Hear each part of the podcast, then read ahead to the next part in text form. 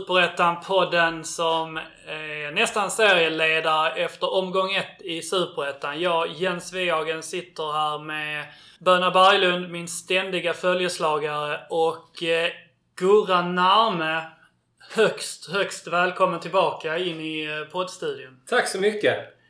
Eh, Du gjorde ett bejublat eh, gästavsnitt för eh, några månader sedan. Ah, fan vad kul! Jag, jag, jag håller ju mig väck från sociala medier så mycket det går och håller mig under jorden för det mesta. Så, så jag har ju varken fått ta del av någon ris eller ros egentligen. Men eh, det var kul. Ja. Tömt mig på, tömt mig liksom på S i rockarmen nu så det blev tummare idag. Och eh, du gjorde det så bra så att vi, eh, vi kände ju direkt att vi fick eh, lyfta upp dig till, eh, till, till A-truppen så att säga nu. Så att eh, detta är ju inte något, eh, något gästavsnitt nu utan du, eh, du är ju en del av eh, våra återkommande avbytare kan man väl säga då. Ja, men, Och Kul. du får fylla då, eh, fylla, fylla Wikströms allt för tunna skjorta. ja. ja, jag ska göra mitt bästa. Ja, Känns det, jävligt kul att vara här. det får plats med två Wikström i dig. Det gör det. Jag jobbar på. Kommer ner till en och en halv. Eh, och eh, vi hade ju håsarna då för några, några avsnitt sen då och eh, som vi nämnde då och som vi nämner nu så eh, kände vi då att vi fick eh, ta eh, 25% Wikström eh, gånger 4 för att få ihop detta då så att eh, nu har 50% av Wikström eh, varit med här. Tanken är att de andra 50 snubblar in av allt vad det lider och så rullar vi på här. Med, eh, med vår konstellation. Men eh, Gurra är väl ändå favoriten? bättre än Håsa. Ja, bättre, men eh, jo, så är det ju. Absolut, det skulle Håsan också stämma. Han skulle vara den första som stämde i bäcken där och säga absolut, så är det. Så att, det känns inte alls... eh, Det, det är ingen fara att säga det. Nej. Det, sanning är vad sanning är. Och eh, till råga på allt så eh, bjöd du in till kaffe och kaka här i din, eh, eh, din lägenhet. Eh, inte allt för långt ifrån Öresund och Venterminalen. Nej, det är nära. Ett stenkast från terminalen faktiskt. Vad är det du brukar prata om ibland? eh, Dåliga Mats Svensson-utsparkar ifrån. va? Detta är väl till och med ja, det är väl ett utkast. Ja, det är, det är det. precis en utrullning. Ja, precis. Och det känns lite som så här, det är lite, lite liksom eh, Svante Hillman-hållet ändå. Att det är uppdukat och, och fint liksom. Man, eh, man, man känner sig välkommen här hemma. Ja, men det, det är viktigt och det är väl, det är väl någonting jag har tagit I, I med mig. övrigt inga jämförelser med Svante Hildeman och denna bostaden. Nej, så är det ju. Nej, Det, är grädd, det var rätt sjabbigt hos honom. eller? Ja. ja, det är ju mer gräddhylla här. Ja, ja. Så känns det. Även om det fanns valv hemma hos eh, Svante. Ja, jag såg faktiskt ett klipp hemma från hans lägenhet.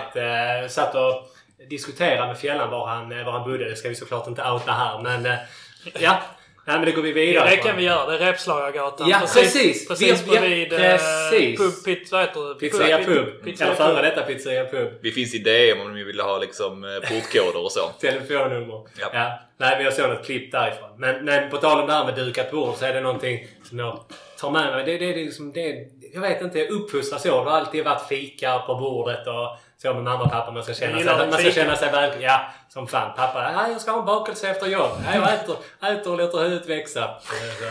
Liksom, Fika, fika liksom så till kaffet känns det så väldigt mycket liksom fotboll och Ja. det här med alltså, smålagsfotbollen också. Att det, alltid, det, finns liksom, det finns alltid på bordet någon form av kak, kakverk liksom, och, eh, och kaffe. ja, kaffe och kaka så kan man liksom prata i oändlighet. Gifflar. Ja. Mm. Vad är, vad är topp tre eh, kakor? Gå. Oj. Jag är glad för Budapest. Bakelsen. Det är inte en kaka då förvisso. Men eh, det är väl Du äter det som en kaka. Ja. Ja, men det är... En längd. Ja. Sen gifflar är ju bra också. Ja, Ja, det är fan eh, lätt att mula i sig några sådana. behändigt, ja. Mm. Ja, det funkar alltid. absolut. Har du några favoriter Jens? Jag har några stycken. Ja men kärleksmums eh, är väl en sån sak man eh, typ aldrig äter men det är väl eh, osannolikt gott när man väl gör det och sen så eh, eh, fullständigt avgudar jag både chokladbollar och delicatobollar. Ja. Sen så tycker jag, nej jag ska men Man är ju en sockerpojke. Sockerkille. Ja. Gurra nickar. eh. Du har, haft, du har haft dina bataljer med sockret. Ja men jag har det. Jag, jag, när jag var med på den senast så hade jag precis slutat snusa. Nu är det snart ett halvår sedan och, och, och det är ju lite jobbigt. Ämnesomsättningen sjunker och liksom det här socker man vill gärna ersätta med något. Så det, är ju, det har ju varit en kamp. Eh, jag är väldigt strikt på veckodagarna. Sen brukar det skena på helgerna. Både Rhodos mamma Teresa och hemmakväll. Gärna två, tre gånger om. Sen låter jag fetare än vad jag är. För jag, liksom, jag kämpar på. Så, ja. Underbart. Vad, hur går det med snusandet? Bra! Jag, jag satt faktiskt och kollade. Så satt du också och snusade precis? Ja precis. Nej men jag satt i, för jag trodde det var senare. Jag trodde det var slutet på november jag slutade. Men eh, så satt jag och kollade i mobilen när vi spelade in avsnittet och det var 5 november. Och det, några dagar innan hade jag ju slutat. Precis. Så det är ju snart ett halvår sedan. Eh, så det, det är jag stolt över. Mm. Faktiskt. För alla som har undrat och alla som har hört av sig så Ja. det, känns, det måste kännas tryggt att få Ja, den här uppdateringen Det från gör, också. ja, ja men det är klart. Och jag tror faktiskt...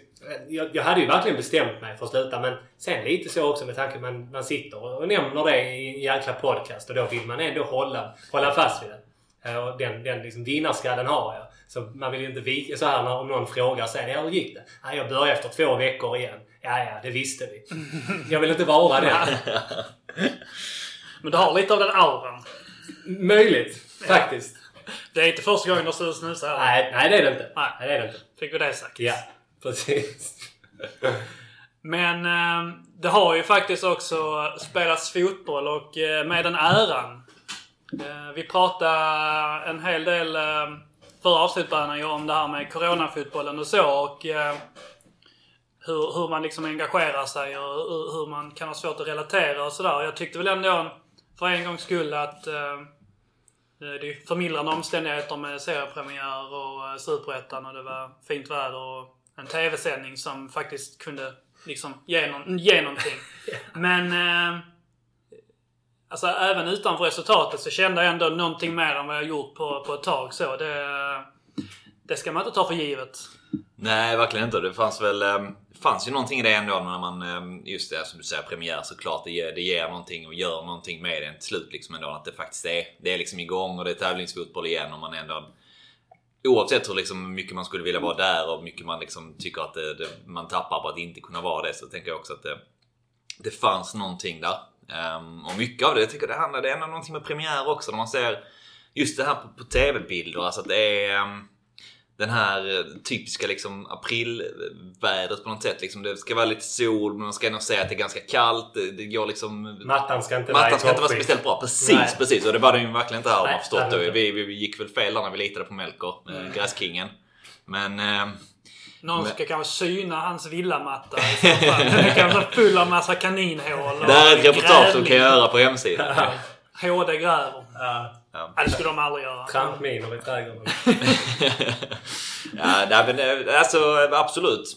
Till slut så satt man ändå ändå när jag kände, för första som vi, snackade om det förra året också en hel del, man letade efter den här nerven och eh, fan jag kände att den, eh, den hade jag faktiskt i, i lördags under, under matchen. Hur var upp, eh, uppladdningen inför matchen eh, för din del, eh, Gurra? Har du liksom kunnat känna, känna pulsen och så in på eh, och innan? Ja, men absolut. Jag har ju sett fram emot den här matchen jäkligt länge. Alltså egentligen sen, sen matchen upp, uppe mot Alkort till slut. Har jag, har jag längtat efter eh, premiären.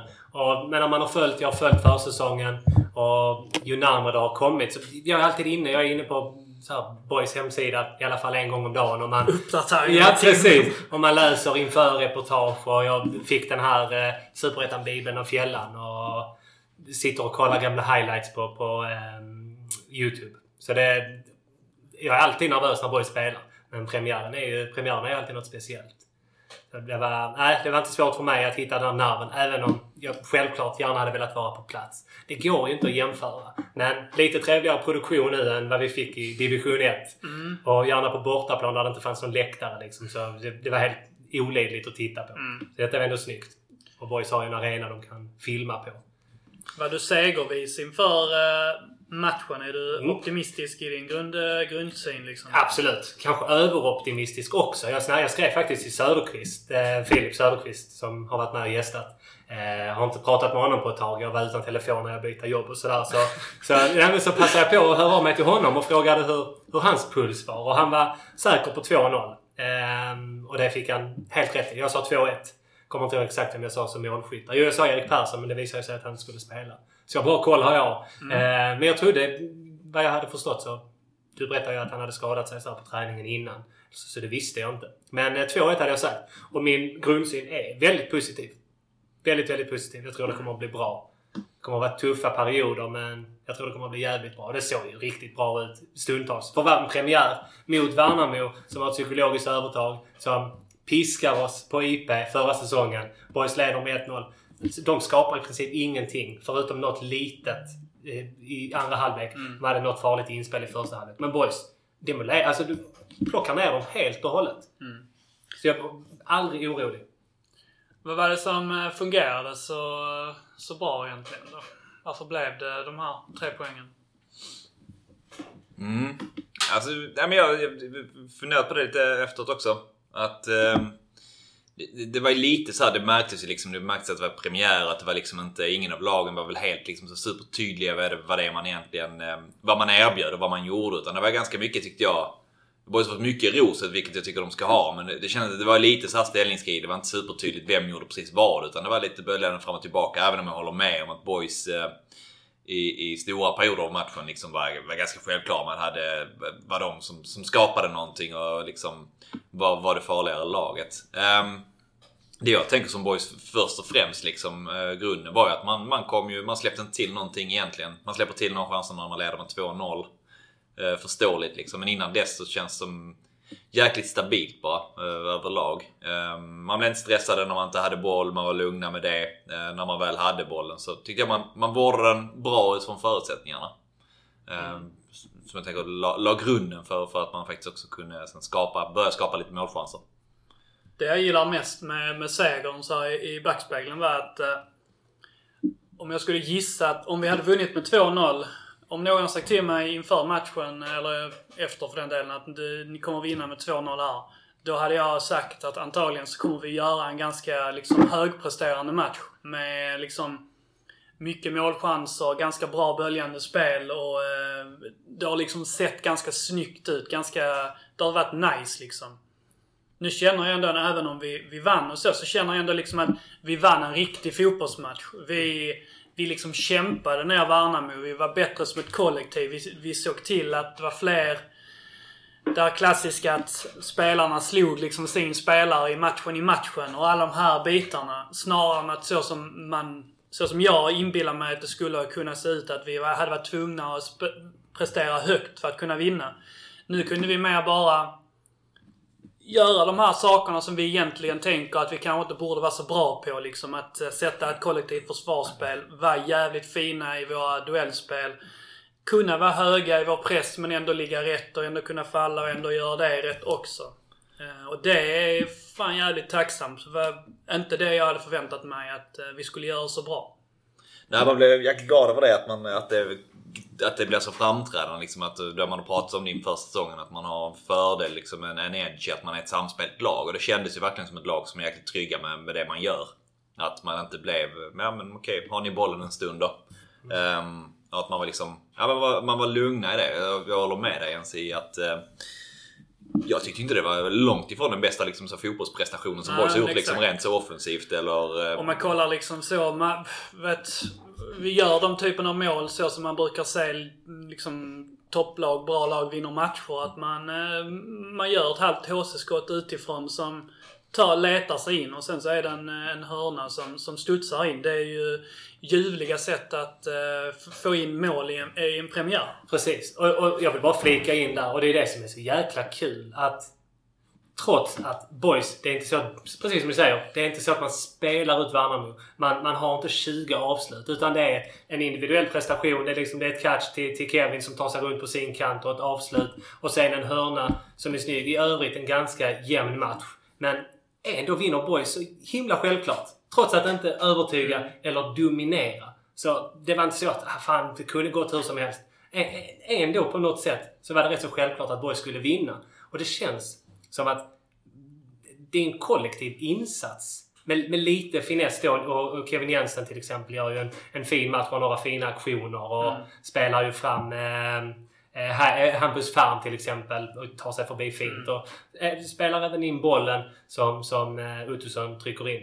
Nej, och egentligen kan man tycka, alltså för mig någonstans, jag, jag är fan glad att inte var så, att den var liksom, eh, att Nej, prestationen inte var liksom så super, eh, att den inte var super. För att de höga topparna, de, de är där liksom så. Det har vi sett i uh, tusen år med det här gänget i princip liksom. Det är ju det är snarare det här liksom lunkande serielunken att, att göra de här sakerna. Det, det är ju den stabiliteten man, man känner inte har borde vara där liksom. Precis, och också bara så här direkt cementera, um, alltså ingenting, ingenting speciellt som gör att man heller som kanske som supporter inte heller spelar liksom springer iväg och tänker att man är det här är lugnt liksom, att man är bäst i världen. Men ändå en självklar insats där man liksom plockar ner de som går upp med en till, från, från samma division. Plockar ner dem direkt, inget mm. snack om den saken. Så, nu är det borta och sen vidare till nästa liksom. Det är ju en enormt viktig seger tror jag. Jag tror det är jäkligt viktigt. Det är ju inte roligt på hemmaplan i premiären att förlora mot nykomlingen som tar sig upp tillsammans med boys. Det, då hade man nog börjat fundera. Även om en match är en match. Men det är nog en viktig match på psykolog. Det hade ju varit mer okej okay att förlora en premiär borta mot Öster. Vi förlorar med 1-0. Ja men det är OK. Här har vi mycket bra att bygga vidare på. Men det är ju tuffare psykologiskt att förlora hemma mot Värnamo. Som är en nykomling. Som kanske då ska vara ett av lagen som Boys kommer tampas med. Ehm, sen tror jag och hoppas att, att Boys kommer mer än klara sig kvar så att säga. Men på förhand som viktig seger. Jag får bara passa på att fråga, vem tyckte ni stack ut lite extra individuellt?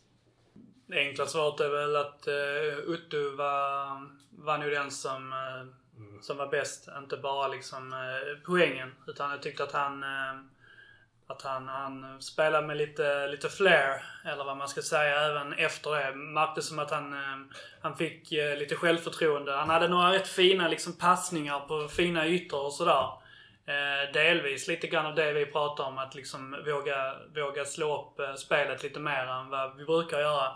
Man hade ett par liksom rätt så fina, lite annorlunda instick som var, var lite högre. Uh, han var nog den som uh, liksom satte mest avtryck på mig. Mm. Jag vill säga jag var glad. Uh, jag tänker det han, när vi, när vi träffade honom för ett par veckor sedan, att han liksom känner att han har vuxit och liksom kan vara den spelaren egentligen är på ett annat sätt nu. Att han vågar ta för sig. Jag tänker man såg, det känns som att man såg det i den här matchen. Och var en sekvens framförallt som jag, jag blev så otroligt glad över att se. Det var alltså mer i hans, för det här passningsspelet och de, det fina, det visar han verkligen upp. Men det var hans pressspel. Att han är en av, en av de som vinner jävligt mycket boll. Ja. Um, han har en där han pressar eh, på en, på en felvänd spelare. Men egentligen går på, säga, den sidan som han egentligen bör täcka. Så att säga. Men han var ganska högt upp i banan. Han pressar honom egentligen på fel sida, på fel fot. Han kommer runt, han kommer runt honom. Och det är så jag älskar att se, återkopplat till det eftersom vi kollar en del Liverpool, både du och jag Jens. Men Roberto Firmino har vissa sådana där nästan ingen annan mm. egentligen pressar på den sidan. Um, men när man tar det från andra hållet. Och jag tänker det säger någonting om att man är rätt så bekväm och man tror på sig själv liksom, när man mm. vågar göra det. För det innebär egentligen att man, man släpper en yta som kanske är normal att försvara egentligen. Men man attackerar den för att vinna den högt upp. Han fick en felaktig frispark emot sig i det fallet. Men, men um, det var mycket sånt som jag gillade att se hos honom. Utöver det så tycker jag väl att, eh, jag tänker vi, vi, vi murade väl in den, eh, no pun intended, men eh, Murbeck. Inför att den skulle vara viktig och mm. att vi trodde båda två att han, eller tänkte att han skulle vara det bästa valet att starta med. Och för mig så tycker jag eh, klockren match från honom. Tillsammans med Vilas att han passade, att de, de skötte det jäkligt bra. Ja men faktiskt alltså, skulle vilja säga det. Och ehm, att de plockade ner Crespo Camara som en fysisk spelare så var det väl perfekt egentligen att sätta de två på honom. Ja. ja. Jag tyckte dock att jag... Ehm, att Murbeck eh, var lite grann osäker eh, med boll och så. Att han fortfarande inte riktigt vågar eh, ta sig framåt med bollen. Jag vet att det var någon situation i, så först, i, i första halvlek i slutet där, där vi har etablerat spel på, på deras planhalva och så får han liksom boll från ytterback eller mitt, äh, mittfältare på mittplan. Och han vågar liksom inte fortsätta hålla kvar bollen offensivt utan han, liksom, han faller med bollen och till slut så kan han inte göra någonting mer än att bara passa hem den och så blir det en långboll och så tappar man den. Och på grund av att man som mittback inte liksom vågar fortsätta vara, vara aggressiv. Man behöver inte göra speciellt mycket där. Det är bara liksom ta bollen framåt, kanske hitta en mittfältare eller vad som helst. Men så fort man liksom faller hem där och passar hem till målvakten så tappar man bollen liksom åtta gånger av tio. Snarare än att bara slå en passning och hålla bollen så kommer du behålla bollen åtta gånger av tio. Och där, där kände jag att hans liksom självsäkerhet eh, behöver jobbas på. Det, man hade några sådana till eh, eh, situationer där han inte... Där jag tyckte att hans passningsspel kunde varit liksom lite... Ja, men bara en, en lite spetsigare liksom. Jag vill ja. inte att han ska slå några svåra passningar. Det är inte ens det jag liksom eh, kräver. Men han han, han vågar liksom inte riktigt eh, kolla upp för att ens ta chansen ofta. Utan det är ofta bara att ta med bollen och falla hem och så spela hem till målvakten istället. Han har en riktigt fet hemåtpass i första halvlek. när han skjuter hem den mer eller mindre liksom. Ja. Um, men det är kanske det. Men jag, samtidigt så gillar jag det. Jag gillar han jävligt resolut hela matchen. Ja. Det var först och främst det jag ville se. Liksom, ja. Så. Ja. Jag vill backa honom där. Alltså jag köper ditt resonemang. Definitivt. Men jag, jag tänker då. Om, om, om man försöker se det lite utifrån Lurbäcks Eh, situation. Han kommer in, han varvas ändå in lite som ett stjärnförvärv. Han förväntas att gå in i en startelva. Han har gjort det väldigt, väldigt bra i Ljungskile. Eh, kanske... Ja men han var väldigt bra. Och jag tror att han har förvänt, haft förväntningar på sig själv att ta en startplats. Men sen så kommer han in och har en, liksom i början av försäsongen lite halvknackigt. Han har konkurrens av Vilas. Fille som är självskriven när han är tillbaka som är vår kapten. Men även då Johan Rapp som är med och konkurrerar. Och det kanske får honom lite att riskminimera. För att vad händer om Nurbeck gör ett stort misstag? Då kanske han är sist i ledet. Vem vet? Och han, liksom, han, det är ju en spelare som spelar för att komma högre upp i seriesystemet. Han är ung och han har framtiden för sig. Har varit sjukt talangfull och är talangfull och väldigt duktig. Men jag tror, att, jag tror att det kan komma. Sen tror jag aldrig att han kommer att bli den spelaren kanske. Utan han har positionsspelet, och duellspelet och viljan och karaktären som sin styrka. Och de mittbackarna måste vi få ha. Men det får ju inte... Liksom, han får ju inte bli drabbad på grund av att han inte vågar. Utan jag tror också samtidigt att han kommer våga och hitta liksom sitt max. Och sen är han ung. Sen tror jag hela tiden han kommer utvecklas och våga och bli bättre liksom i det offensiva, så att säga. Så är det ju. Men det, det var min en av, en av liksom, eh, en av takesen, eller en, en av egenskaperna man måste ha som en eh, modern eh, mittback. Det är, då, det är liksom att du får, inte, du får inte släppa yta du har avancerat och vunnit. Så att om ditt lag har avancerat genom att passningsspela sig upp på offensiv planhalva.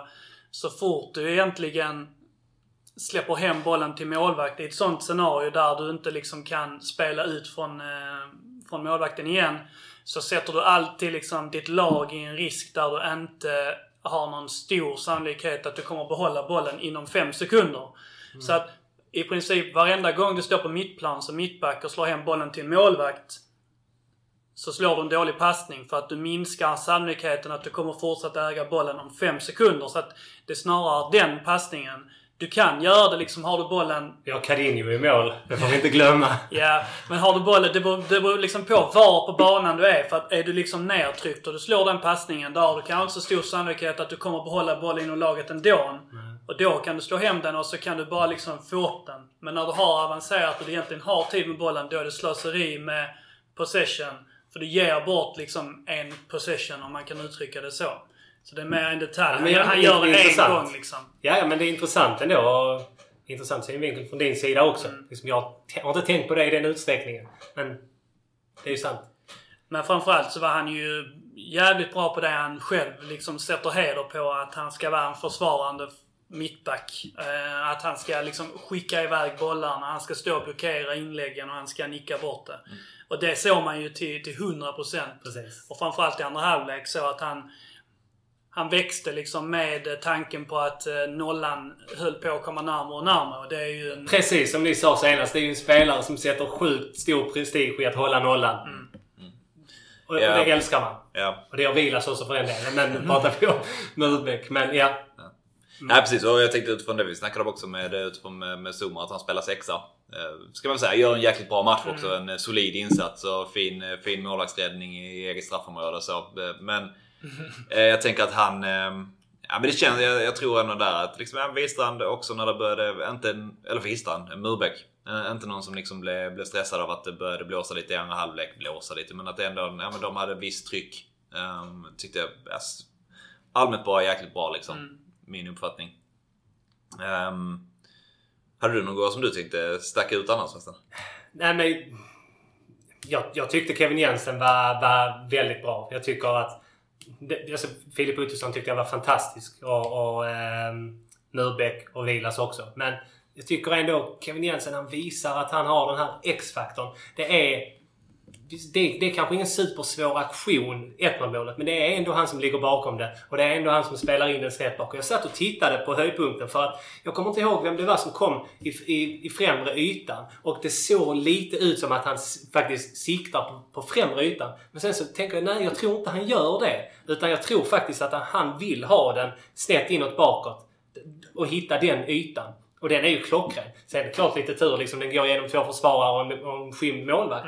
Men utan det så hade Boys inte lett med 1-0. Ehm, och sen har han ju några fina aktioner. Som sagt när han spelar fram ehm, ehm, Hampus Farm till exempel. När han tunnlar någon och tar sig förbi och sätter honom fri. Där kan matchen också vara stängd. Ehm, Så ja, det är läget i andra halvlek där ja, Amsterdam precis. Ja, han drar den över. Ja. ja. Ja men kul, det är Kevin Jensen. Man har inte hört så många som har lyft eh, honom annars, eller så. Man har Nej. inte sett någonting direkt. Utan det har varit rätt mycket Murbeck, eh, Vilas, Zumar och, och liksom Ottosson. Ja, men precis. bort- Bortskämdhet med Ja. Kevin Jensen. Att han börjar, man, man börjar väl ta hans, eh, hans 3 plus-insatser eh, för givet liksom. Mm. Ja, men lite så är det. Eh, Man har ju en högsta nivå som är 5 plus. Mm. I Superettan också. Eh, Så det, och det tycker jag han bevisar. Det- ska bli jätte, jätte, jättespännande. Och om Boys vågar spela sitt spel och kunna vara spelförande i vissa matcher. Men sen, han är ju vass i omställningsspelet också. Alltså sjukt snabb. Mm. Och om Boys liksom ligger lite lägre och sen trycker lite längre så är ju han en spelare som verkligen kan göra skillnad mot trötta ytter och innerbackar. Men det är väl kanske detta lite man vill se av Kevin Jensen, lite som man inte riktigt har sett den. Är alltså att det, det är mot ett ganska lågt stående försvar, en kompakt match. Att, han, att han är med och avgör och skapar situationer genom att vara den som egentligen skapar, alltså han har skapat läge genom att han är bra på att löpa i djupled och så också att han har, han har varit med kanske slutprodukt i många, många, liksom, många gånger. Men att han här genom sin, genom sin liksom, teknik och eh, kvicktänkthet som han ändå har också, att han, att han, att han skapar och sätter andra i lägen på sättet. Ja, precis. Mm. Och det, han visar ju framförallt för förra säsongen var han ju... Alltså, där hade han ju några sjuka soloräder. Där, eh, där man verkligen såg det här.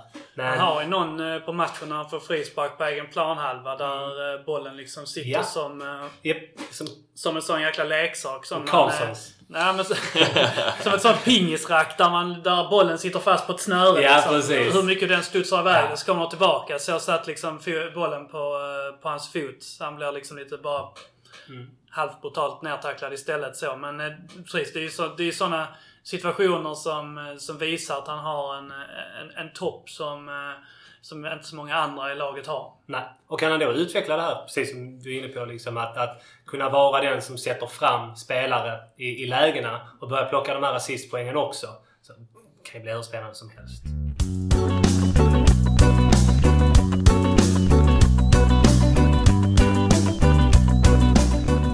Var det några speciella taktiska punkter ni tyckte var specifikt viktiga för, eh, för att det skulle funka så bra? Några speciella taktiska punkter? Ja, men kanske inte taktiskt, men var det liksom eh, hur vi spelade? Vad det egentligen som gjorde att det funkade så bra?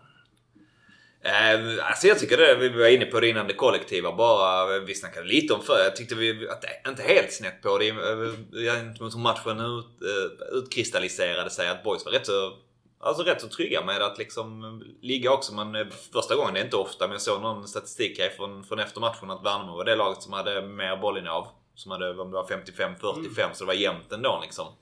Ehm, och jag tyckte att Boys liksom i sin, i sin, i sin eh, plan och hur man utför det, att man är inte går fullt ut och pressar högt hela tiden. Man faller tillbaka. Man är ganska varierad i sitt presspel tycker jag. Um, periodvis. Man brukar ju prata om det här med, med vad heter det? När man har eh, momentum i matcher och så. Att när man känner att man har det, att det, då behöver man gå för det. Men för att sen också kunna backa tillbaka och, och ligga lite längre ner. Och det tycker jag man, eh, man gör liksom. Att det är en av de... Eh, det som man kunde se från denna matchen. Att det var inte riktigt samma som man kanske är helt van vid att se boys som man såg dem förra året. Utan först och främst en, en kollektiv defensiv insats. Jag tyckte man kunde säga att eh, det dels var lite ändrat i eh, uh, mittfältstrion eh, där. Att Summar spelade väldigt... Uh, Summar och Uttu spelade egentligen uh, ganska nära varandra och att uh, Phil Olsson spelar ganska likt en vanlig tia. Och hamnade inte så långt ut på sin vänsterkant så som han brukar. Utan han hamnade lite centralare och Summar och, och Uttusson fick dela på på liksom de centrala ytorna lite mer.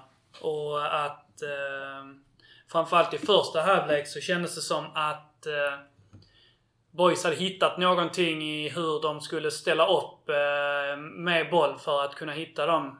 Hitta just framförallt Summar var det ju ingen i, eh, i Värnamo som, eh, som liksom brydde sig om att markera. Utan de Värnamos offensiva spelare försökte ju pressa backlinjen och då bara ställde sig Summar någonstans i mitten.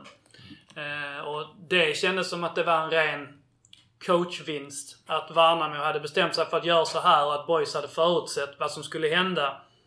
Och ändrat lite grann på konstellationen så att de hade varit tvungna att täcka upp både Ottosson och, eh, och Sumar i lite djupare positioner. Och då, då blev Sumar mer eller mindre ensam hela tiden.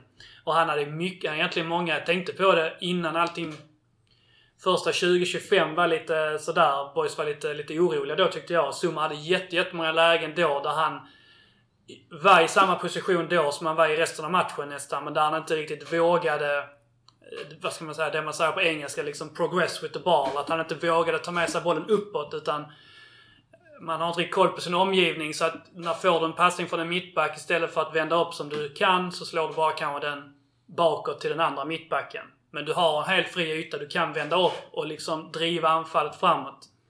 Den ytan låg han i hela tiden. Efter en halvtimme ungefär så började han göra det. Eh, men det var liksom den så största taktiska vinsten som jag, som jag kunde säga att eh, de hade hittat. Det kändes som att det kom från ritbordet nästan. Ja, men jag tänker det, det blev väldigt tydligt eh, det som du säger. Det var um, att ehm, de gjorde, kommer ihåg att man har gjort så lite förra året också i det defensiva spelet. Att Phil Olsson ligger mer liksom som en tia och ligger på deras defensiva spelfördelare. Um, och här blev det väldigt tydligt att, att, i det defensiva spelet så var det verkligen en mer 4-4-1-1 eller en 4-2-3-1 om man snackar så. Um, där han låg väldigt nära deras nummer 10, uh, eh, Erik, och med artistnamnet. Som, som var jäkligt bra brassen, som är liksom skicklig. Jag tyckte de fick aldrig igång någonting riktigt spel heller. Varken han eller Magashi var egentligen Eh, speciellt med i matchen. Mm.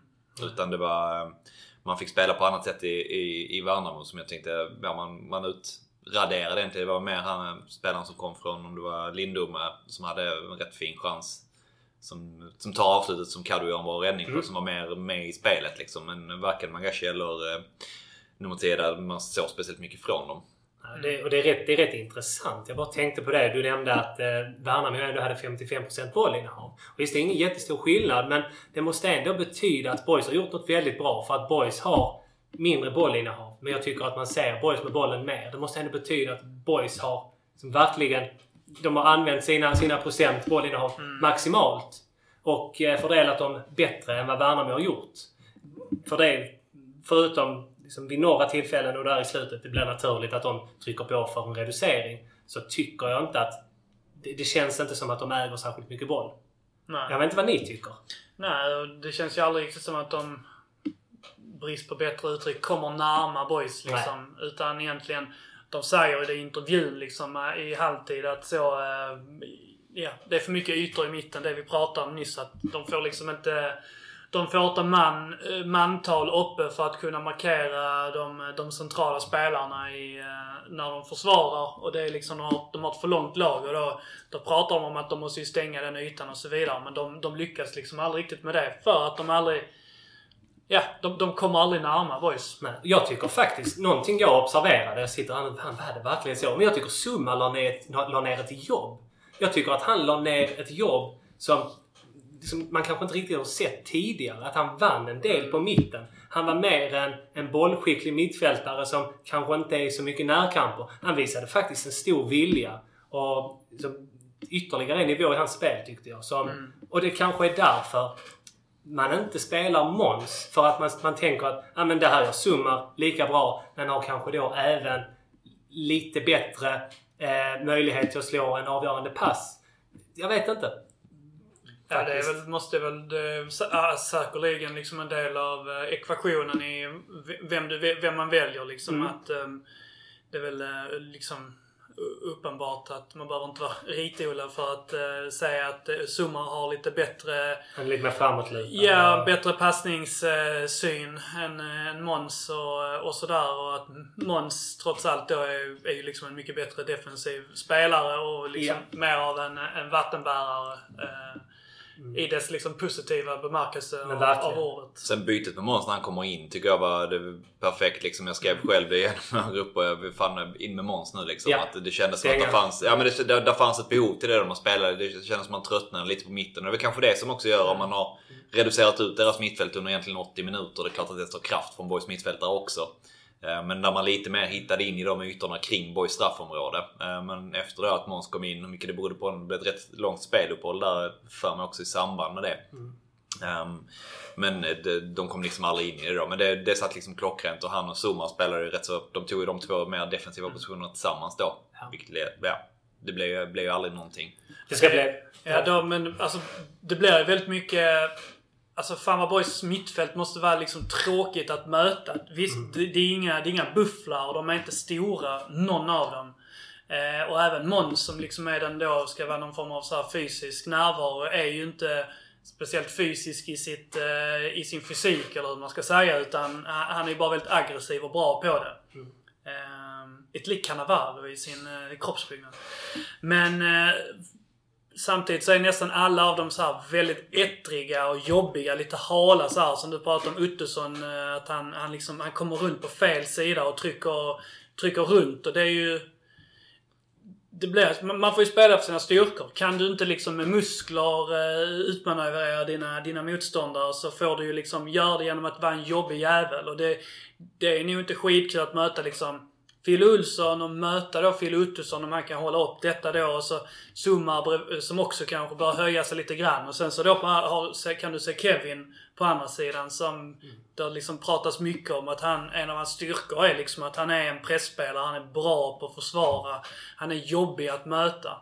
Även Oskar Pettersson ska man ge Ja, är otroligt ja. ettrig liksom i sitt försvarsspel. Och Hofsa eh, ska vi inte snacka om. Han är Ja, också... för vilken eh, ändå en uppskattning till honom för hans första halvlek fall, tycker jag ändå. För det är fint att se även om han inte gör någonting så. Men bara det Alltså han vinner alla dueller egentligen när man är lite pressad.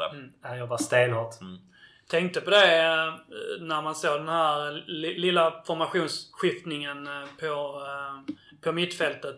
Det som du sa innan att det är mycket möjligt att man kanske använt sig lite mer av det tidigare också men jag, jag ty- tyckte ändå nu eftersom att Phil Olsson spelar liksom mer som en tia eh, och liksom med den positionen också hamnar, vad ska man säga, närmare mål och liksom närmare sina medspelare högt uppe då. Eh, Så att han kan är väl tanken försöka kombinera sig då med, med yttrarna och med vem som nu spelar anfallare och eh, att man i den kvartetten av spelare då ska hitta tillräckligt mycket poäng. Snarare än om du har tre mittfältare som liksom turas om att eh, gå framåt istället, som det var lite grann förra året. Det känns lite grann som att det blir en kompensation, kanske, av att man inte får in Erik Persson ännu. Eh, att man måste liksom, man måste kompensera för den liksom lite grann bristfälliga kreativiteten som Hofsö ger. Så måste man trycka upp en, en av mittfältarna lite högre. Att du måste liksom, har du mer av defensiven hos din anfallare så får du ta mer av offensiven hos en mittfältare. Det, det kan ha varit att han inte hade hamnat i exakt samma position om till exempel Erik Persson hade varit eh, helt och hållet frisk. Då hade de kanske kunnat så turas om med till exempel Ottosson och Fille. Som det trots allt ändå har sett ut på försäsongerna. Att de har varit ändå... En har varit på höger sida och en har varit på vänster. Ty- tycker jag i alla fall. Det är ingen... Det är intressant observation.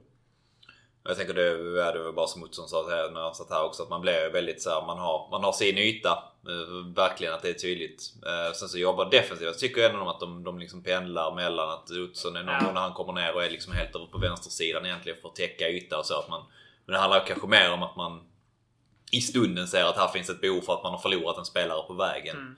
Men annars så är de ju väldigt eh, mer statiska ändå till en vänster än höger. Att man, man, lite som Ottosson sa när vi pratade med honom också, att man kombinerar mer egentligen med sin ytterforward och ytterback än vad man gör med, med resterande mittfält. Ja. Hur, eh, hur eh, ser ni annars på Phil Olssons insats? Han var väl en av dem man hade höga förväntningar på och som, har, som man uttryckt också vill ha det på sig själv. Um, jag tycker att för, man ska inte glömma bort att han, han debuterar i Superettan mot Värnamo och gör det som kapten på pappret. Men det var han ju inte sen till ändå liksom. Men alltså um, med den kanske som, som, som ska lösa Boys offensiva spel och uh, tagit superstora kliv. Um, och uh, jag tycker att han gör, han gör liksom det man kan förvänta sig av honom. En spelare som kom från division 3 från två år sedan. Liksom. Yeah. Det, är alltså, det, det, är svårt att ha mycket högre krav på honom. Sen så sticker han inte ut, vilket han vill vara den spelaren som gör. Liksom. Så det är liksom en, en fullgod insats där han, tycker han sällan någonting man säger han gör fel. Han slarvade lite i passningsspelets första halvlek. Någon indianare vet jag han, hade, han bjöd på så. Men, ehm, men annars så ehm, fullgod insats. Man saknar ju det här offensiva hotet. Något han testar från, från, från avstånd, skjuter i första halvlek. Men annars så är inte så superinvolverad. Men tänker i många av de lägena vi pratade om det innan och pratat om det tusen gånger känns som. Bara de här små vrickningarna ibland, och komma loss och komma ur eh, i pressade lägen. Där, där ser man att han har det. Ja. Och han, precis. Liksom, han låg rätt. Det var kanske inte... Nej men han syntes inte till jättemycket. Han är inte på något sätt dålig, men han sticker inte heller ut på något sätt det kommer ju matcher där han kommer göra det. Vi har ju såklart redan eh, varit inne och tassat på det både en och två gånger men det blev ju eh, eh startelvan eh, lite grann vid, vid sidan. Böna du var ju eh, fullpoängad. Men som vi båda kom överens om så att Muranan och, eh, och Vilas var mittbackar. Och Asp eh, tog högerbacken men blev skadad och eh, Farm fick, eh, fick hoppa in. Men på mittfältet då var det väl framförallt då att eh, Zuma valdes före, före Måns. Du Gurra, vad, vad tänkte du när, när du såg att eh, Måns satt på bänken och Zuma startade? Ja men precis. Ja. Det, det jag kan tänka mig det är att man vill ha en lite mer kreativ eh, central mittfältare mot ett motstånd som Värnamo hemma i en premiär. Boys vill föra. Boys vill spela sitt spel. Man vill inte ligga på rulle, ligga på kontringar. Eh, utan jag tror att, att Billy och Max kände att det finns en fin möjlighet att faktiskt Boys ska kunna spela sitt eget spel. Och där vill man ha Summars kreativitet. Och man, man kände säkert även att han kommer lägga ner jobbet som krävs. Så, så det tror jag. Och jag sitter och funderar på det. Jag har suttit och funderat på det jättelänge och vill bara lyfta det. Men det är ju intressant och det, det är inte alls omöjligt att Måns kommer starta borta mot Öster. Han är ju helt rätt speltyp för den matchen, tycker jag. Men det är ju, det är ju jättesvårt och liksom hur, hur påverkar det spelare att kanske vara lite in och ut? Ska man vara en, en bortalagsspelare och, och, en, och ska Zuma vara en hemmalagsspelare? Ni förstår vad jag menar? Mm. Det är också väldigt svårt. Frågan är hur, hur Billy och Max tänker. Om de kommer som, köra på en kontinuitet och nu att nej, men nu ger vi Zuma chansen. Är han inte tillräckligt bra, då byter vi. Eller kommer de bara taktiska och, och känner att vi har en sån bredd i vår trupp att vi kan faktiskt anpassa vårt lag lite utifrån förutsättningar och ma förväntad matchbild. Kommer jag ihåg när, eh, när, när Kim Källström spelade i Rennes, tror jag. Så blev han, ut, eh, blev han utvald i, till uh, årets, årets lag i uh, Ligue 1.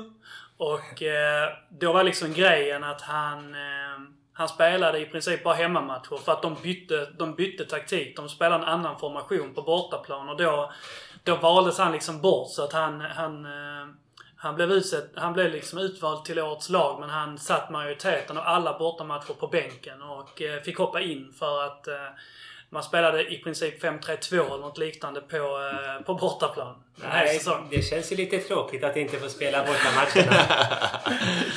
Men om, eh, om Billy och eller Max hade, hade ringt dig på, eh, på fredagskvällen där och sagt att Gurra, alltså, vi får inte rätt på det här nu. Ska, alltså, ska Sumar starta? Ska Måns starta? Vad hade du själv valt då? Handen på hjärtat eh, 24 timmar innan avspark? Måns spontant Måns, eller eh, inte ens spontant, det känner jag direkt. Mm. Jag tror att Måns ska göra skillnad. Jag tror Måns ska göra skillnad mot ett tyngre Öster. Det är ett rätt tungt lag. Ett brunkargäng som vi var inne på, 4-4-2. Eh, de, de är tyngre. jag tror att Måns eh, kan göra större skillnad. Faktiskt. Och jag tror att Öster kommer trycka på. Boys kommer bli pressade i, i, i vissa delar. Ehm, och jag tror att Måns kan vara en jättebra balansspelare och, och göra det jobbet lite bättre mot Öster. Jag är lite kluven till, Ja. eh, till hur fan man eh, tänker detta. Mm. Jag tänker att... Eh, Man slår knut på sig själv. Ja men lite så. Jag har sagt det innan också att jag är inte, jag är inte själv bekväm med tanken vem jag, jag tänker ska komma kommer starta. Och det kan, kan mycket vara så att man går runt en hel del. Ehm, sen tror jag ändå att utifrån att Zuma faktiskt gör, det, gör en bra match och man får se det man vill av honom. Att man väljer kanske att ge honom chansen igen. Eh, att man vill fortsätta man ändå tänker någon form av kontinuitet.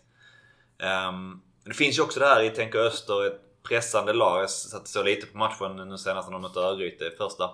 Ehm, absolut ett, ett fysiskt spelande lag och där man vid första, min första reaktion, tanke också liksom att Måns bra att få in i det. Sen så tänker jag samtidigt att de kommer nog, Boys vill spela på sitt sätt.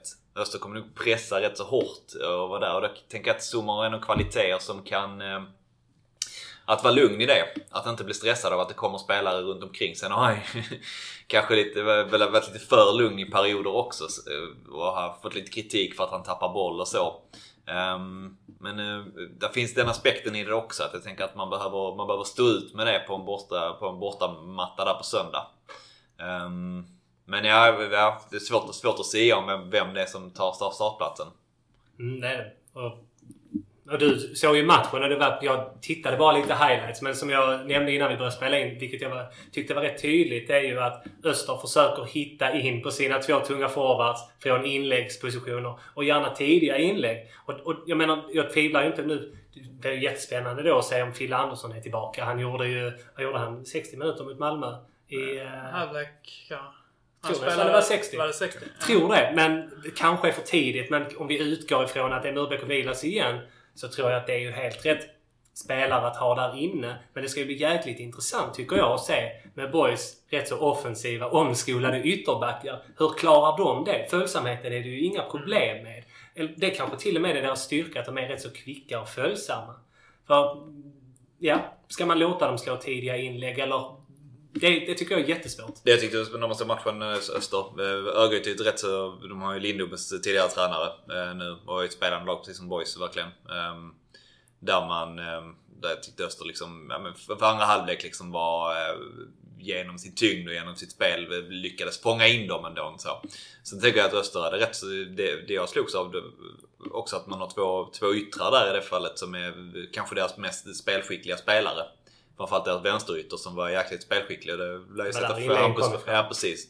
Um, kunde dels spela in den själv men också göra sin gubbe så att säga. Det är klassiska. Um, så jag tänker det är en utmaning för Hampus Färm att komma in. Jag vet inte hur status är på, på, på Asp riktigt. Nej. Men ehm, Och Dennis. ja. Verkar väl också, jag mycket talar för att det kan bli Hampus Färm som spelar på, på, på söndag. Man kan även välja rapp. Skulle precis, det är sant. Mer defensivt eh, alternativ. Mm.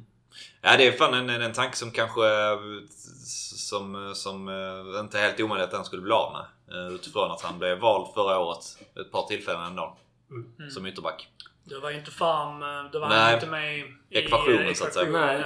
Men sen, sen, ja, sen det är Fam som får ta Asps plats. Och det är ju, alltså, det är ju rätt så offensivt det bytet om man tänker Rapp har ju kanske mer kvaliteter som en innerback och inte de här offensiva färdigheterna som Fan eh, har. Men man väljer ändå att stoppa in honom. Och han gör ju det bra. Han är ju kvick och duktig och tar sig runt. Men det är just defensiven som blir intressant. Jag menar, man får ändå... Det är klart- det är klart han har tränat på försvar. Men han är ju omskolad från ytteranfallare eh, alltså, till denna säsongen.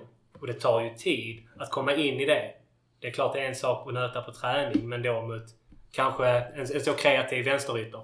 Det kan ju bli tufft. Vem hade ni valt? Rapp eller fan?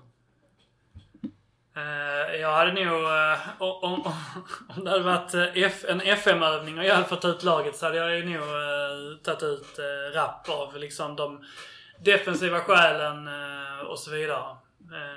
Sen... jag är liksom inte... Jag är väl inte Farms största beundrare heller. Eh, och... eh, det blir kanske enklare för mig att inte välja honom också på grund av det. Vad beror det på? Alltså är det hans spelstil eller? Ja, jag tycker inte att han äh, egentligen har gjort någonting i matchsituationer som äh, liksom förordar att man, äh, man ska behöva ta honom i några, någon, någon hyllande dager. Utan, Nej, det håller jag med om. Social. Eh, jag har liksom aldrig sett honom prestera speciellt väl i en match helt enkelt. Och jag tycker att hans, hans stora brister är i egenskaper som, eh, som jag värdesätter väldigt högt hos spelare. För jag tycker inte... Jag tycker hans svagheter är att... Eh, liksom spelförståelsen. Att det är själva vad som finns innanför huvudet snarare än vad som finns på kroppen som är problemet. Eh, jag beskrev honom i, en grupp eh, i, eh, i veckan att han, han är som en FM-spelare som har höga siffror på, all, på allting till höger i stapeln. Det vill säga acceleration, kondition, styrka, uthållighet och så vidare. Och sen så har han lågt på allting med teknik och uh, speluppfattning och spelförståelse och spel utan boll och så vidare. Vilket gör att hans beslutsfattande och tankeverksamhet är liksom inte bra. Jag, har det med ålder att göra eller har det... Kan det ju göra såklart. Eh, men eh, jag tycker väl att unga spelare i mångt och mycket kan, eh, kan vara mogna i sina beslut nu Ja. för tiden. Ja, men han, sant. han är väldigt klassisk i det här att han, han spelar lite grann som en junior om man säger så. Att han tar väldigt många konstiga och orimliga beslut. För att man liksom ofta kan sakna lite självinsikt och man inte värderar speciellt, speciellt bra. Och så vidare. Och det, det rimmar inte bra med min, eh, med min fotbollssyn liksom. Hampus farmor för övrigt är ett plus i den här Superettan-bibeln. Så Sen, sen Ja. tycker jag att det, alltså det här med att FM-statsen liksom att det är till höger. Det är där han, det är där han punktar upp sina, sina fina siffror. Jag tycker där kan jag ändå, jag kan ju tycka att det kan finnas plats för den typen av spelare också. han är ju ljuvlig på Fifa. Ja, exakt. Nej, men, det- men det är ju när det finns den andra typen av spelare, när de fyller ut och är väldigt många, så tänker jag att det kan finnas plats för den typen av spelare. Jag är precis som dig, endast att jag värdesätter de andra egenskaper. Ehm, och, och i matchen på, på söndag, tänker jag, mot mot Öster, så är jag nog också utifrån samma egentligen resonemang som eh, gällande Zuma på mitten. Så tänker jag att Johan Rapp kan vara ett rätt så eh, klokt alternativ på en högerback. Att det inte blir, som, som vi har sett, liksom, fin med bollen, eh, lugn och värdera på ett bra sätt. På tal om, om högerbackar. Eh, jag, jag tänker på den här historien eh, en gång i veckan. Men kommer ni ihåg han högerbacken som spelade kring 2008, 9, 10 kanske? Eh, som eh, hette Adam. Eh, som blev uppflyttad. Det var så jävla mycket skador på högerbacken. Och så kom han från U19 och fick speltid direkt. Och sen så gjorde han typ fyra matcher i rad och spelade jävligt bra. Och sen så åker han väl till Söderstadion och skämmer ut sig. Hårt sagt. Men får typ i princip aldrig spela igen. Jag tänker på hans livsöde en gång i veckan. Han och Mirza Selimovic blev väl eh, båda två nedskjutna på Söderstadion kan man säga. Han gör, han, han, han gör självmål. Han passar väl... eh, Eller vad fan är det som händer? Är möjligt. Men Ja. jag kommer ihåg precis vad du, du menar exakt. Det är en sån med... Man bara tänker att Ja. man har liksom hittat ett guldkorn i U19-laget som liksom inte har visat speciellt mycket. Och han, han presterar liksom, gör... Spelar liksom jämnt med exakt alla i resten av laget i tre, fyra av sina första matcher. Och sen så händer någonting på Söderstadion och spelarna kommer liksom tillbaka, de andra. Och, och han... Jag tror han hamnar i Lund liksom till slut och sakta bara, Falnar. bara falnar Ja. och liksom hamnar var som helst. Den typen av ytterbackar kommer ju alltid fram. Alltså, Ja, som, ja, så, exakt. som, Som kommer upp, som kommer upp av en slump Ja. och man tänker men det ser rätt så stabilt Ja, ut liksom. och, och väldigt, väldigt många spelare kan ju liksom Alltså göra sig hemma Ja. på en jävligt hög nivå i några få, få matcher tills man liksom blir synad. Ja. ja exakt. Det är när man, när, när liksom man har... eh, När ens siffror kommit upp på Y-scout och liksom motståndarna kan kolla en lite så blir man, då, blir man, eh, då blir man synad. Så att säga. Men innan dess så, så klarar man sig rätt bra på att bara smälta in i mängden. Men det, Mm. ja. jag, kan, jag kan komma ihåg det men jag kommer inte ihåg något efternamn på det. Men Nej, det gör inte jag heller. Det är faktiskt... Svenne... Ja, precis. Verkligen så. Svensson. Adam Svensson. Adam Svensson är Ja. det. Det stämmer. Typ från Sjöbo eller något sånt. Uh, han, var någon 91. fördel. Han gick, uh, han gick en, en uh, årskull under oss uh, i, i skolan på fotbollsgymnasiet där. Så kommer jag ihåg, det var samma där. Han var, stack ju inte ut för fem öre men sen så helt plötsligt så, satt, så spelade han liksom Superettan och såg ut som vem som helst. Men sen, lite avundsjuk hos Wighagen. ja det får man ju vara men det är ett Ja. intressant livsöde. Kunde liksom. det varit du? Ja det kunde ju, men det är ju det, det är där drömmen Ja, är liksom att... Det är så mycket tillfälligheter. Det är bara det det har handlat om. Han hade antagligen så var det ju faktiskt så att han hade bristfälliga kvaliteter. Mm. Han var sist i ledet när han väl kom upp. Så efter fyra matcher så var han i Lund. Men ändå. Det är häftigt att göra resan. Men säg, säg, kunna göra det bättre. säg den spelaren som inte har tänkt att om jag bara hade bytt kropp med den här spelaren så hade jag kunnat spela på den här matchen i 90 minuter och sen bara byta tillbaka. Det är väl därför din, därför din, sån här, din, ditt, eh, din grej mot Hampus Farm. Det är den du hade velat ha. Ja, precis. jag, jag tycker ju inte att han är... Precis, han är inte förtjänt av det liksom. Jag, jag, jag känner ju Kunde så. varit jag. Jag känner ju så fortfarande att Linus Ahlberg bara hade gett mig chansen så hade jag kunnat blomma vid 33-34. Men... eh, Precis, du behöver en säsong i B-laget till. jag, jag är så jävla sist i ledet så det blir ändå så många skador. Precis. Nej men och liksom... Äh, skämt åt sidan så är det ju liksom lite grann att på grund av att man har sett de här Adam Svensson-spelarna så kollar jag också alltid oftast, oftast på ytterbackarna. Eh, Man ska liksom vara, alltid ha i bakhuvudet att ytterbackarna där, det är liksom, man placerar de flesta på en ytterback av någon anledning. Och det säger jag fullt medveten om att jag har spelat ytterback eh, den stora delen av mitt eh, fotbollsliv. Men det är liksom för att det finns brister som gör att man oftast inte liksom passar på en annan plats. Och risken är ju liksom att Farm är på en nivå där han inte hör hemma.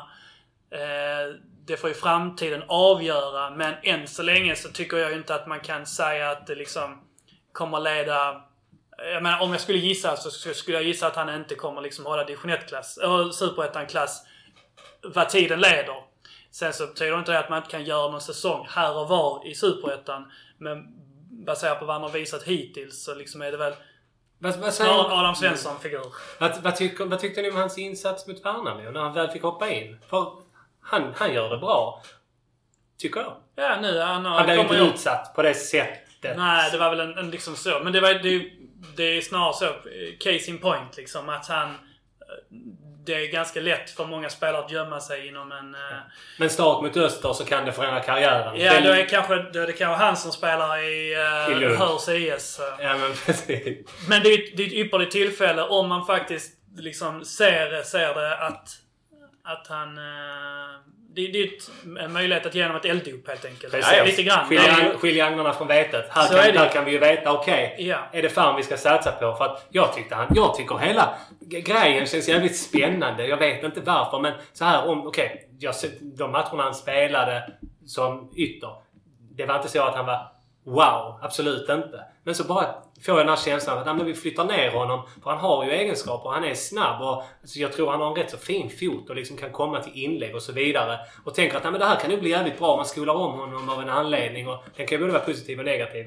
Men där är ju tuff konkurrens. Men uppenbarligen så har ju tränarna sett något. Det hade ju varit kul om han får chansen. Fan, det kanske, det kanske bär så in i helvete.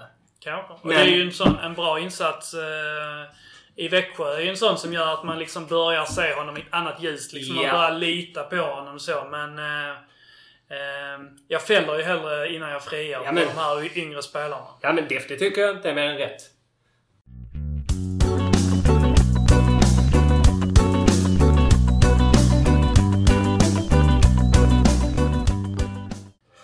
Jag tänkte att vi, när vi ändå pratar lite grann om spelare och spelarbedömning så kan vi väl eh, prata lite grann om eh, den här eh, bibeln som du nämnde i början av avsnittet igår, som du fick av eh, din flickvän.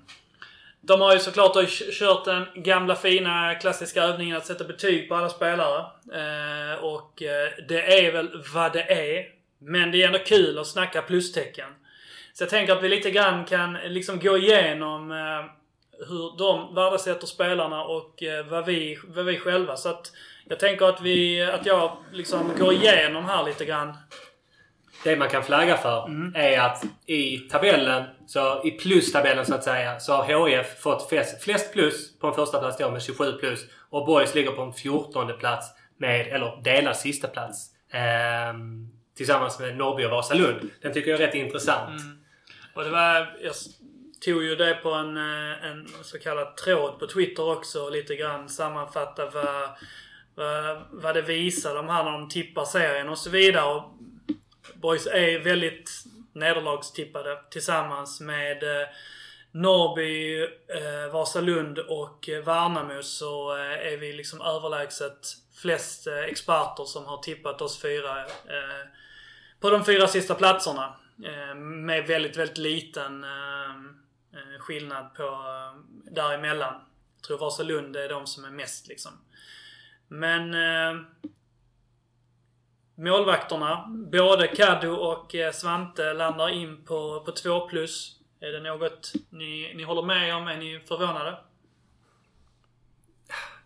Alltså, det, känns väl, det känns väl ganska rimligt. Tänker jag båda två har gjort det bra division 1 men det är väl ingen som riktigt har bevisat sig på superettan-nivå tidigare. Nej, jag kan, nej men precis. Där kan jag faktiskt hålla med. Jag, jag gillar ju... Jag har tyvärr sett för lite av, av, av Svante. Jag har haft lite tråkig försäsong.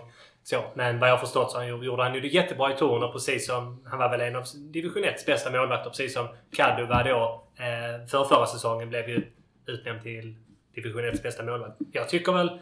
Ja men precis. När Kaddu var i Superettan senast med Boys. Det var ju inte Boys bra. Man kan inte lasta Kaddu men han har inte bevisat sig. 2 plus är ju godkänt. Så, ja. Eh, I eh, försvarslinjen så eh, kan vi väl notera helt enkelt att den enda som eh, får över 2 plus är Fille som får en 4. Tycker ni att Fille är en femma om eh, han inte hade haft frågetecken för sin, eh, sitt knä? Ja. Kort och gott. Det tycker jag definitivt. Jag pratade med, med Fjällan här idag och jag, jag vet ju... Det Diskutera finns, ja, men, ja det, det gjorde vi faktiskt. Det var han som tog upp det och sa det att nej, men det, tänk ändå alltså. Han sa det, jag undrar vilka klubbar det är som har velat ha honom. Och liksom, ändå så fint att han har stannat kvar i. Och det tycker jag. Jag tycker faktiskt Fille Andersson förtjänar att, att hyllas ännu mer. Hade, hade det här varit en, en spelare i, i Gnaget eller någonting som väljer att stanna en hel karriär då trots utlandsbud och i Filles fall då bud från allsvenska klubbar så tycker jag han förtjänar att hyllas. Så jag tycker verkligen det är, han är 5 plus. Och han håller allsvensk nivå. Så enkelt är det. Ja, jag håller inte med. Jag tycker fyra är precis eh, rimligt för honom. Och jag tycker att det är så jävla fint. För att annars, eh, jag är så otroligt glad över att han inte är en femma i min bok. För hade han varit en femma i min bok så hade han aldrig stannat så många år i boys. Alltså han har ju det här med att han, han är, han är defensivt en femma alla dagar i veckan. Men offensivt så är han ju inte det. Han är för alldeles alltså han är ju han är lite stabbig i sitt, i sitt passningsspel och liksom strör bollar på ett Han har också höga siffror i sin höga stapel på Ja, ja, och det är ju det som är så otroligt fint. Man har suttit ibland och sagt att man har velat liksom, fan hade han bara varit bättre på detta, vilken spelare vi hade haft då. Men då glömmer man bort, då hade vi inte haft honom som spelare. Då hade han liksom aldrig varit kvar i boys alla dessa år. Så jag är superglad att han inte landar in på en femma, utan fyra. Precis rätt nivå. Ja. Och jag, och just just det.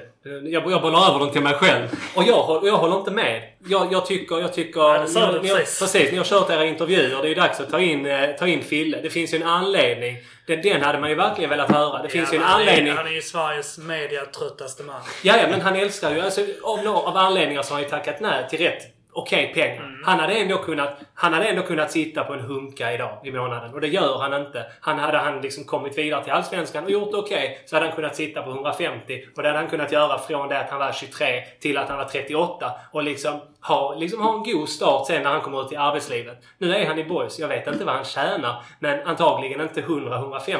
Jag har svårt- att tänka mig. Precis. Precis. Det hade han kunnat göra. Jag tycker han är 5 plus. Jag, jag läser här. Jag åkte på knepig knäskada i oktober i fjol och har inte spelat sedan dess. Annars lagets kapten och dess viktigaste spelare. Innerback som imponerade stort senast laget var i Superettan. Frisk och i form är han rimligen självskriven i startelvan. Jag läste någonstans typ att han var så här de 17 bästa spelarna i Superettan. Jag vet inte vad fan det var. Men eh, kanske har drömt. Alltså mest spelare eller bara bäst? Det är jäkla Bästa. sammanställning. Ja, det är bara ändå? stod här okej, någonstans. okej. Ja, de hade någon lista liksom. Okej. på- Ja. Ehm, övriga, förutom eh, Alec. Uh, fyra plus-namn att, att heta Alec. Mm. Eh, förutom Alec så har resten av försvararna 2 plus. Det vill säga Rapp, Vilas, Tekac, Moränan, Olofsson och Asp. Eh, är det någon spelare där ni skulle vilja lyfta Eller sänka? Um, jag tycker väl att det, det, det, talar väl för att man, man, man printar ner två plus på allt man inte riktigt vet. Alltså att man är lite så. Det är en ung spelare. Han får en plus. Resten får två plus. Vi vet inte riktigt. I, i, I mångt och mycket så håller jag väl med. Jag tycker att en sån som Alexander Tkac kunde haft ett högre betyg och ändå bevisat sig tycker jag i Superettan. Och Eh, man kanske ska brasklappa för hans tidigare skadeproblem. Men skadefri så tycker jag att han är en solklar trea liksom, som, som ytterback. Mm. Um, Frågan är liksom, hade man kunnat, hade du kunnat ha högre än en tvåa på att ha gjort det bra i, i ettan? Jag menar Fille Ulfs, vi kommer komma till det sen, Fille kommer ha det men... Ja, alltså jag menar om, om, man, om man bara tolkar fjolårssäsongen så kan jag väl tycka att till exempel Vilas förtjänar en trea i så mm. fall. Men det är ju liksom... Man vet ju inte för att han har inte spelat i Superettan. Jag tycker Tekac har gjort det. Tekac har ju. Ja, ja jag håller med. Alltså, Tekac, men har någon kollat på matcherna och koll på laget så hade Precis. man väl satt en trea på Tekac. Men, det tycker jag också. Fin vänsterfot och... Ja, men han är ju bra. Han är ju 3 plus. Annars, annars har man inte stuckit ut och varit liksom en av division 1 bästa spelare. Att det har varit uppenbart liksom. Så är liksom, ja, det är svårt att säga någonting när man inte har visat har inte Vila, Vilas, kan man inte räkna honom som en av de... Han måste väl ändå ha varit en av de bästa mittbackarna prestationsmässigt i, i fjol? Ja, förmodligen. Utan att ha scoutat mittbackarna på, på Y-scout jättemycket senaste kvällarna. Eh, om eh, vi vandrar vidare då på mittfältet. Eh, inte superhöga siffror. De verkar ha gått på din, eh, din devisbön att om, om, vi inte vet vad, om, om vi inte vet någonting och har de inte spelat några matcher så får de en etta, annars får de en tvåa. Men eh, Phil Olsson sticker ut med en trea. Förutom det så får Melker en etta och resten två. Jag såg inte... Ja, okej. Okay. Um, vad ska man säga om det? Phil Olsson förtjänar väl en, en trea kan jag tycka. Utifrån ja. att uh, vi liksom bästa spelare förra året och sticker ut, bär ett lag som går upp en division. Um, det är inte så mycket att säga. Det, det, känns ju som att det är väldigt tydligt. Dels då att de kanske inte riktigt har den här kollen men även då att man bedömer utifrån superett. Eh, superettan-mått. Så enkelt är det. För jag tycker annars att liksom, jag tycker, ja, nej. Jag kan inte motsäga mig det egentligen. Lagets mittfält är väl egentligen i mångt och mycket så är det ju spelare som kanske sticker ut att liksom som, som vi har snackat många gånger om. Det är liksom ingen, inte så mycket X-faktor. Rollspelare, hela vägen liksom ja. Många, eller till mångt och mycket. Så att två plus är väl till de har bevisat någonting annat i Superettan. Så det är ja. svårt att sätta någonting med. Nej, men den är väl vettig. Liksom Filip Olsson med bud på fyra. Men under säsongens gång. Ja, jag köper det. Köper in. Och offensivt eh, så har vi Kevin Linus Hofsö, Nielsen, Erik Persson och eh, Farm har trillat in där på ytterforwards roll gissar jag. ja. eh, här får vi ju lite, lite piggare siffror då. Både fjolårs eh, eh, yttrarna Kevin och Linus landar på en trea. Kevin Erik, fyra. Kevin en fyra där. Den låste sig i hörnet. Ja. Och Erik Persson en, en trea. Ehm, kan inte tycka att Erik Persson till exempel förtjänar mer. Definitivt. Det, men det tycker jag. Det, det, det tycker jag är sjukt. Det tycker jag bara är snålt. Att okej, okay, Fuck Göran Bolin. Ja men precis. Det, han ser inte klok ut gubben. Nej, så får man inte säga. Så får man, sorry. Nej, men... Eh, uppen, ja. Nej, men definitivt. Jag tror att man baserar mycket då på hans skadehistorik. Mm. Eh, och, det kan man väl det kan man väl köpa in på någonstans. Jag vet ju inte hur han har bedömt det, men uppenbarligen utifrån det. Och då kanske man kan ta 3 plus eftersom han är ett litet frågetecken. Men i slag är han ju absolut 4 plus.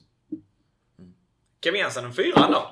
Mm. Är, det en som landar, är det en som landar lite högt kanske? Alla, alla, alla allsvensk-rykten liksom, antagligen. Ja men det känns det som. Det, det, jag tänker utifrån hur man har placerat resten av laget mm. och hur man har eh, liksom gett, gett stjärnor så, så sticker det ut att han får en fyra. Det gör det ju. Kan, samtidigt kan jag tycka till exempel eh, att Linus eh, får en trea. Alltså så, han sticker ju inte ut mer än alla andra två. Förutom att han gjorde väldigt många mål i fjol. Framförallt de första matcherna. Första matcherna. Ja. Han, han blev torr, torr som ett fnöske sen. haft problem med skador. Men det, det, det blir väl lite grann också precis som att man liksom så, är det en ung spelare utan speltid får en etta. Har du spelat i startelvan får du en tvåa. Har du vunnit skytteligan i laget får du en trea. Eh, och har du, så här, har, du, har du haft rykten kring dig om eh, lag högre upp, Kevin och, och Fille, så får du liksom, tar du upp det liksom. Jag tycker mig se en röd tråd. Eh, Den gode Göran här skriver att Helsingborg ryckte honom i fjol och syftar på Kevin Jönsson och ger honom fyra. Och Helsingborg har 27 plus, överlägset flest också, i den här bibeln. Ja, det, Eh. Vad hade din pappa sagt om det? Ja, nej, nej, det stämmer alltså inte. Ja, nej, boys är, boys är djävulska. Jag tror de kan vinna. Nej, men jag tänker det är väl, det är väl en klassisk sån också kanske um, kvällstidningsjournalistik där kring eh, att man ehm, Ja men som när det snackas lite Allsvenskan, man spottar upp en fyra. Flyger det så har man varit den som skrev om det innan säsongen. Flyger det inte så det går det opasserat förbi ändå liksom. Ja men precis. Och jag, och jag kan ju inte låta bli. Som, som boysare så, så gör det ont när folk inom citattecken smutskastar ens lag. Och det är samma sak när jag jobbade på, hos min tidigare arbetsgivare och Ludvig Bergman som är mittback i Torn. Eh, de spelar ju i samma serie då. Det var ju efter Agim hade försvunnit. Och då tippade Expressen, jag kommer inte ihåg vem det var. Då tippar man Torn rätt så högt upp och det är fine. Eh, de hade gjort det bra där säsongen innan. Och så tippar man Boys typ i mitten. Och liksom, jag blev, det brann till. Jag blev så jävla förbannad och bara tänkte, vad tänker du med? Du, du får förklara dig. Annars tar jag inte detta. Du får förklara dig om du ska tippa dem som åtta eller nia. Och det blev de ju tvåa och gör det jättebra. Men okej, man får väl förstå det. Det var ett nybygge, nya tränare, lokala Fick de spelare. förklara eh, hur Nej, det var det? nej, det gjorde jag inte. Ja. Gjorde jag inte, men jag var förbannad. Fjällan vet inte vad de startar när de köper sådana här tidningar till Nej, dig. Alltså går igång där. Ja, man bara riskar. Ja, ja, Man kan säga det. Sitter här och bläddrar. Och, ja. här har de gett Granqvist en femma. ja, det har de också. Det såg jag. Ja. Ja, det kan man väl köpa. ja. Det kan man väl förstå. Straffen får sig igår. Fan vad fin den är. På, på tal om Granqvist, detta måste jag berätta lite snabbt. Jag, eh, jag var hos Hussein på Jakob Barbershop och, och klippte mig innan. På, lun på lunchen. Och så är det då eh, de barberarna så är det, han heter Ali och så är det Cabo. De är skittrevliga. Och sen så kommer där in en snubbe 10 kilos övervikt, liksom klädd i jobbarkläder. Eh, så ser jag då att det, så sa han Anders, eh, så såg jag att det var Anders Friberg. Och vi hade snackat jättemycket fotboll. Så sa jag grabbar, här har ni en riktig gammal boyslegend. Åh! Och de blev helt starstruck båda två. Och han sa det. Granqvist usel, sa Friberg. och så nämnde han straffen. Det Riktigt var fint. sjukt ljuvligt. Vi hade snackat lite gott jag och Friberg. Jag kunde inte sluta snacka där inne. Och så nämnde jag Norén och jag har ju aldrig snackat med Friberg innan. Han vet inte vem jag är så jag fick liksom... Han var jättesocial. Och eh, där kan komma en liten nyhet. Eh, jag kan inte outa den här. Men ja. Okej. Var, var ska det komma nu? Ja. Friberg kan vara på väg någonstans. Okej. Ja, jag vill inte säga mer än så. En cliffhanger. Cliffhanger. Ja, en cliffhanger. Han ska inte in i boysen. Nej, ska han inte. Ska han inte. Vi lämnar den där. Jag, jag pratade med Fjällan om det och sen sa nej, säg fan inte det. Det är 50-50. Han kanske ger dig en avhyvling. Han berättar någonting i förtroende. Så kan det verkligen vara. Jag tänkte jag ska hem sen och podda. Ja, Friberg var ljuvlig. Han var riktigt, riktigt fin. Så det var... Underbart. Mm. Då eh, har nog inte så jävla mycket mer att eh, ta itu med här eh, än att eh, gå vidare med veckan och eh, sakta placera oss in på eh, söndag klockan 13.00. Och eh, ändå med lite tillförsikt se fram emot en ganska fin eh, liten tidig söndagsmatch. Ja, det ska bli riktigt fint att få lite ordentligt superettamotstånd och inte möta samma lag som i fjol bara. Utan eh, verkligen se vad, vad man går för. Ja. Vad, eh, vad tippar ni? Oh, jag tror, jag tror, eh, jag tror på 1-1. Vänder hem ett kryss som jag supergärna tar inför. Jag tänkte också säga 1-1. Um, ehm, ja. Det, det känns... Det, det blir tufft att åka upp och, och piska Öster. Vi såg ju hur det var i kvalet senast. Andra förutsättningar förvisso. Men tuff motståndare. De, de, de har ändå satsat och, och går ju för att eh, ta segern. Och de har ju den här danskan som eh, gjorde mål senast och som öste in mål i, i danska andra ligan tidigare. Och gjorde en sju mål på 18 matcher eller var förra säsongen också. Så ja, det, det kommer att bli tufft. Men 1-1 säger hjärtat. Men det kan bli tufft. Fint när hjärtat säger ett ett. Ja. Eh, då säger jag... Eh, då får jag väl vara, vara, vara optimist, optimisten i, eh, i gruppen och säga 2-0. Det, det bara rullar James på. Keane båda. Det flyter på. Varför ändra ett vinnande koncept? Precis. Det blir 2-0 i, eh, 24 omgångar till. Där. Blir det det börjar jag drömma om Allsvenskan. Det kan jag säga. Det blir nog bra. tills, tills dess att vi förlorar så eh, är, det, är vi Allsvenskan bound. Så är det. Så är det. Och det är vår rättighet som eh, supportrar att tycka och tänka och känna så. Gurra, eh, 25% Wikström. Eh, 100% bättre än Håsan. Ja, tack. Tack. Böna, 2-3 plus. Varken mer eller mindre. Stabil eh, start på säsongen. Ja. Vill inte ha mer än så. Vi Nej, flyger iväg här. absolut inte. Det mår vi inte bra av. Bra i höger, höger kolumn. ja. Eh, till er som har eh, lyssnat, återigen stort tack. Eh, och eh, i vanlig ordning, glöm inte att eh, följa oss på eh, sociala medier. Gilla vår sida på, eh, på Facebook. Om ni lyssnar på oss och uppskattar det så gå in på sidan och eh, tryck gilla så att vi kan växa. Eh, samma sak på Twitter om ni har det. Gå in och följ, eh, följ oss där också. Så att vi kan nå ut i, i det här stora eviga Boysaland. Vi hörs om en vecka igen, förhoppningsvis med 6 poäng i tabellen. Men eh, den som lever får se. Eh, tills dess så säger vi heja boys! Heja boys! Heja boys! Du kan lita dig tillbaka. Du kan drömma lite grann. Som om Gud var lika randig Han som sinne din sida. Dröm om röken från Olympia. Om hela skiten.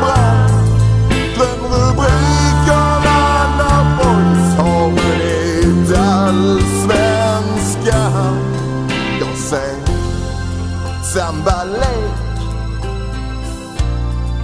Varm och het. Jag ser grym överlägsenhet. Ja, du ser väl det själv. Vilket underbart lag